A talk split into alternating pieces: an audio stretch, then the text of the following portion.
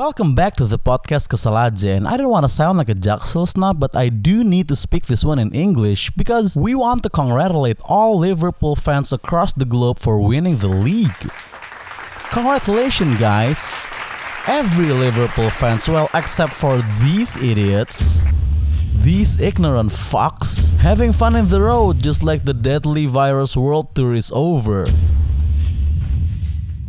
Come on, man, why? Why would you do something that dumb? You guys are British. Aren't you supposed to be the smart ones? With your tea and sophisticated manner and Peaky Blinders accent? Why? Leave the dumb stuff for us to do. You don't keep your distance, you don't even wear masks. Damn it, kids were there. Yeah, but we haven't won the league for like 30 years. Yeah, we haven't had a pandemic for like 100 years. You're lucky that you guys live in England. If you did this in Indonesia, Bintang Emon will make fun of you. Lambe Turah will post about it and your team manager will need to make a clarification podcast with Deddy Corbuzier. Idiot fans like you are giving the club a bad name. You're embarrassing your idol. Come on, mate. Concerts and graduations are being done online, but this is okay? I know you're a loyal fan at all, but this is just wrong. You should have keep your distance. You should at least wear mask. Heck, you should be celebrating at home. You should have walked alone.